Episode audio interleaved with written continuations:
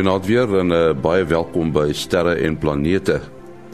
Ons het vanaand weer ons span by ons en dit is uh, professor Mati Hofman en natuurlik vir Willie Koorts. Daar is natuurlik Kobus Olkers wat 'n bietjie na ruimte weer kyk, maar eers ruimte nuus wat uh, elke week vir ons geskryf word deur Herman Turin in Bloemfontein. Met nog net 16 van die uiteindelike 64 skottels in bedryf is Meerkat reeds die beste van sy soort radioteleskoop in die suidelike halfrond. Aldus die minister van wetenskap en tegnologie, Naledi Pandor. Meerkat sal uiteindelik deel van die SKA radioteleskoop by Carnarvon in die Karoo wees.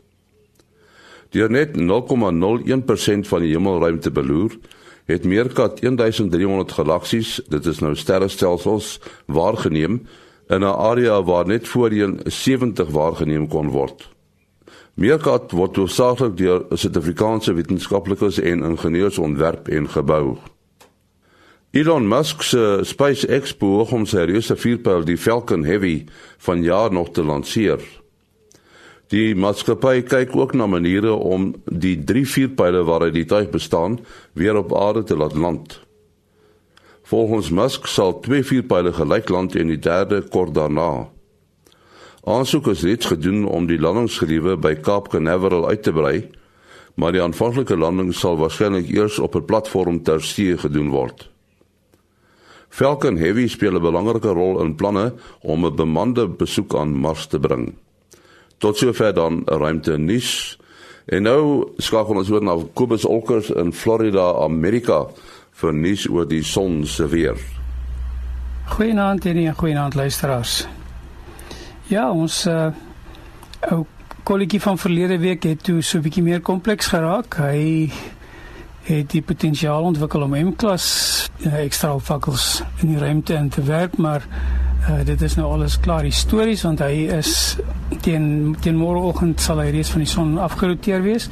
Ons het een of twee klein korona massa uitbarstingetjies gehad verlede week van sy area af. Ehm uh, maar niks om oor hy toe te skryf nie. Verder is die son verbasend skoon van magnetiese uh, areas, kompleks of andersins. En dan wat ons uh, korona gaatjies aan betref, het ons uh, hierdie week net so 'n klein bles areaetjie bo op die absolute noordpool van die son wat totaal glad nie geo-effektief kan wees nie. So dis maar net vir interessantheidshalwe wat ons hom noem. Die ouetjie wat ons so effentjies kan beïnvloed, uh, sit so net noord van die ewenaar van die son en hy is reeds geo-effektief vir die afgelope dag of so, maar hy's nooit georiënteerd so ek glo nie ons gaan enige effekte in ons uh, ruimte weer of in ons geomagnetiese veld kry nie. Dan wat ons uh, filamente aanbetref, is daar uh, twee hierdie week en die een van hulle is 'n baie lang een, so by 45 grade noord omtrent oor die hele oppervlak van die son, maar hy's baie stabiel dan is daar eenetjie in die suidelike halfrond baie naby aan die suidpool van die son wat vir ons hy kan dalk uh, losbreek maar hy is glad nie in 'n geo-effektiewe posisie nie. So hy sal ver suid van die aarde verbygaan as hy sy losbreek. Dit was Kobus Olkers in Florida Amerika.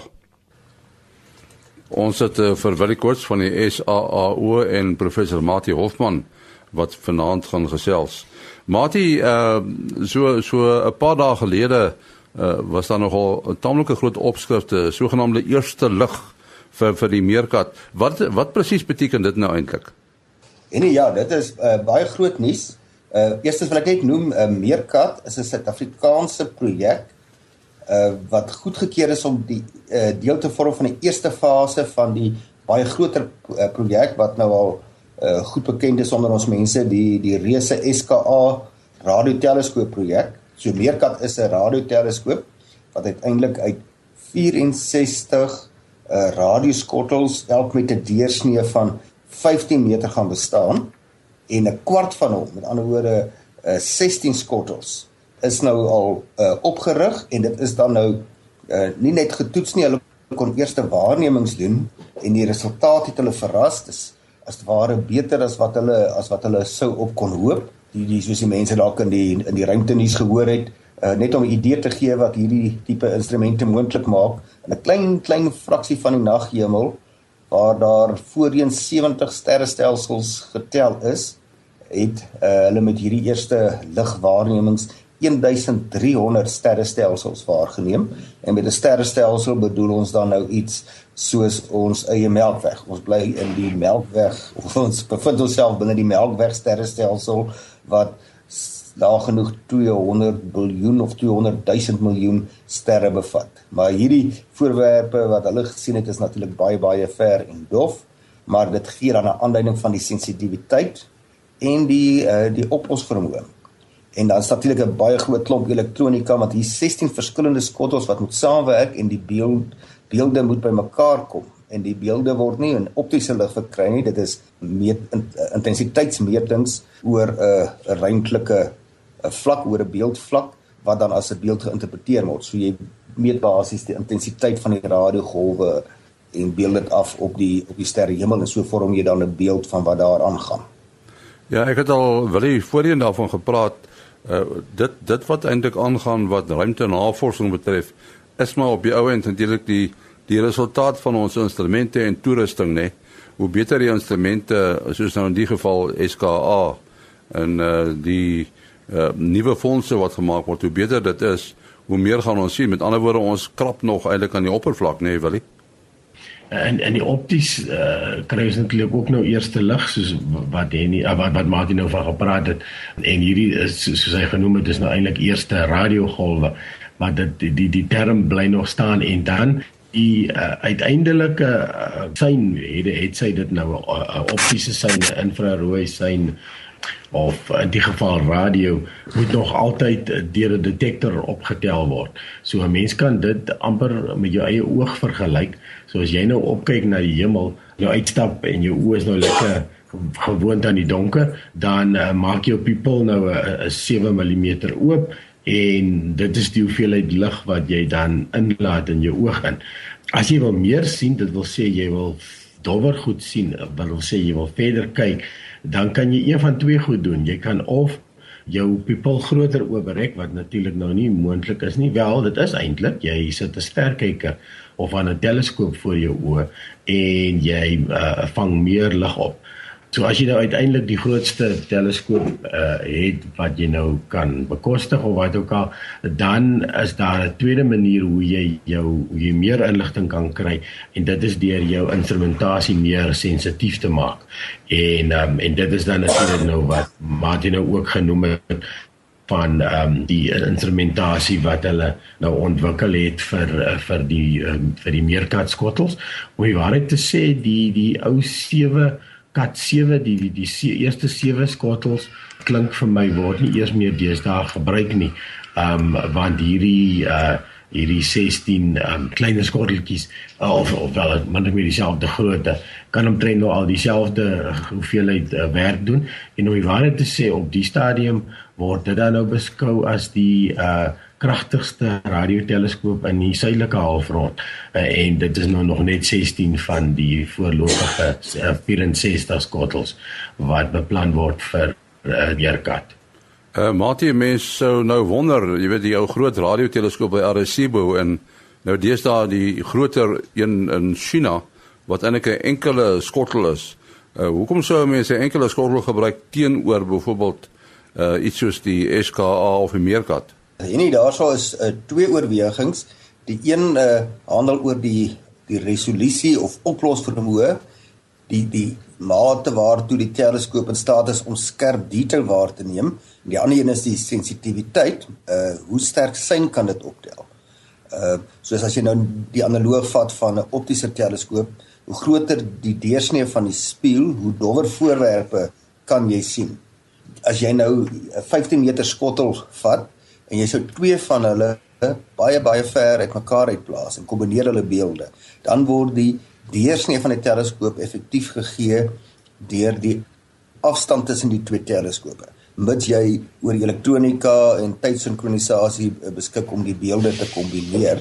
Dis 'n groot voordeel van van 'n uh, eh, teleskooproosters is dat jy deur groot ruimtelike verspreiding soos die SKA uh, uiteindelik gemaak. Hulle gaan in die eerste fase gaan hulle die skottels oor 'n afstand van 'n basislyn van 150 km uitmekaar uit versprei, wel in totaal die buite uh deursnee, maar uiteindelik in die volgende fase gaan ook ander Afrika lande uh, ingesluit word. En dit gee vir jou daardie vermoë om baie fyn detail raak te sien. Maar as jou totale oppervlak, dit is as jy die werklike area van die skottels bymekaar tel, daardie oppervlak weergee vir jou die sensitiwiteit. So twee skotteltjies op 'n groot afstand gaan miskien vir jou groot uh resolusie gee, maar dit gaan nie vir jou 'n sterk sein gee nie. Jy gaan nie baie dowwe voorwerpe uh kan waarneem nie. So die die voordeel uiteindelik van die BA en dan ook die meervat meerkat in 'n mindere mate is beide 'n uh, groot totale oppervlak as jy al die skottels se oppervlak bymekaar tel en 'n groot ruimtelike verspreiding, so jy gaan sensitiwiteit kry en jy gaan die ruimtelike resolusie kry. Dit as ek nou net hier na hulle getalle kyk, as jy dit nou vergelyk die uiteindelike mikpunt vir die SKA, praat hulle van 50 keer meer sensitief as enige een van hierdie ander teleskope het sy die uh, iets soos die ander uh, die uh, VLA die very large uh, uh, array wat ook 'n verspreiding van skottels is of die enkele groot skottel soos by Arecibo wat dit nou net een baie groot oppervlak is. So 50 keer meer sensitief as enigiets van hulle, maar dit is nou eers in die 2020s wat hulle daarby sal uitkom. Die belangrike ding is van die van die nuus wat ons nou in hierdie vroeë stadium kry is dat meerkat wat soos 'n soort van 'n voorloper is, so suksesvol is en die meerkat soos ons genoem het, gaan ingelei word as die SKA1 uh fase en dan kom er nog 133 skottels uh by almal in die Karoo daarvan af kanaven versprei. So en dit moet reeds volgende jaar moet daar die nee die konstruksie moet reeds in 2018 begin. Hulle is nou in die finale voor Eh, konstruksie fase, finale uh, detail ontwerp uh, besig. So dit alles beteken die SKA wat 'n mega projek is oor uh, uh, vele jare uh, loop volgens plan en Suid-Afrika speel 'n baie groot rol met ons kundigheid wat hier ontwikkel is van die meerkat is hoofsaaklike uh, Suid-Afrikaanse uh, uh, ontwerp maar in die groter projek is daar natuurlik baie ander lande en instellings, uh, tientalle van hulle uh, wat betrokke is uh, in die verdere tegnologieë wat moet ontwikkel word. Ja, iets wat mense ook net uh, moet byreken of of uh, nie die oog verloor nie, is dat uh, die plek waar uh, die uh, meerkat in die SKA uiteindelik gaan kom, ehm um, is natuurlik ongelooflike radio stil. Uh uh daar word ons natuurlik baie moeite gedoen en daar selfs wetgewing wat dit bepaal en uh so dit, dit help nie jy het 'n baie sensitiewe ontvanger maar daar's vreeslik baie radiogeras in die omgewing nie. So dit is natuurlik nou by by die finale uh, ons praat van uh, in in in die, in die uh, algemene terme praat ons van die die signal to noise ratio. So die wanneer die syne wat jy opvang so klein raak dat dit in die in jou geraasvlak van jou elektronika begin kom en dan van jou omgewing dan dan raak dit natuurlik al hoe moeiliker om dit te kry. So hoe, hoe stiller hoe meer radio stil jou omgewing. Om, om 'n idee te gee van wat wil jy noem daar as daar 'n persoon met 'n selfoon op die maan sou wees uh, wat nou in die pad kom van 'n radioteleskoop dan gaan dit een van die helderste radiobronne in die in die heelal effektief verteenwoordig. So dan sit nou reg voor die teleskoop maar is op 'n groot afstand. Dit wys nou maar net hoe sensitief en teen watter laer radio-intensiteite hierdie instrumente moet uh, waarneem. Goed, kom ons spring net na so ietsie anders. Die verskillende lae van die atmosfeer. Ons praat almal van die atmosfeer, maar hy vers, hy bestaan uit verskillende lae. Uh, uh, die atmosfeer self is nie homogeen nie, né? Uh die een laag loop oor na die ander laag, né, Willie? Uh, ja, dis korrek. Ons ehm um, het al miskien gehoor van die troposfeer en dis natuurlik nou maar die die waar hier waar as die vliegtye vlieg en waar die wolke is en en of die laawolke nou en so aan en dan ja, gaan jy 'n bietjie hoor op so die eerste uh, tussen 9 en 12 km uh die troposfeer en dan uh, kry jy die stratosfeer en en dit is natuurlik nou waar die ozonlaag lê ehm um, waar ons meteore sien en ehm um, verskillende sterre wat ons nou ook ook sê en en so aan. Ja bokant bokant die mesosfeer uh, so nou hier, hier kom ons nou ehm um, ook ook um, maar net tot so 50 km in die lug op. So dit is nou by die eerste uh verskillende sterre inkom en en ook baie baie hoë wolke uh, ons kry hierdie sogenaamde noctilucent uh, clouds wat wat wolke wat dan uh, van 'n baie groot afstand sigbaar is omdat hulle omdat hulle so so hoog is. En um, en dan die dan die termosfeer. So uh, dit is nou weer interessant waar die waar die hitte skielik opskiet uh weer as gevolg van die van die hitte van die van die son en dan uiteindelik die eksosfeer en dit uh, is waar selfs die satelliete beweeg die laer satelliete ehm um, waar die aurora verskyn en ehm um, die die noorderligte en suiderligte wat Jawie ook die ander dag van gepraat het. Uh, uh ja, so dit is so in in in breë terme die verskillende lae. Uh, wat interessant is net om 'n gevoel van skaal te uh, te gee as ons die aarde sou voorstel as 'n 'n bal met 'n deursnee van 1 meter, so 1000 mm, dan is die uh die troposfeer dis nou waar waarin ons in die vliegtye hulle bevind uh, is maar omtrent 1 mm op uh op daai skaal. So dis omtrent waar alle uh, menslike aktiwiteite behalwe die ruimtereise en die satelliete satelliete uh, beperk is, is tot daardie 1 mm op 1 meter. Uh en dan in die praktyk is dit nou 10 12 km. So dis waar op die bokant, amper op die buitekant van die troposfeer is waar die uh, waar die groot vliegtye hulle internasionale vlugte uh onderneem.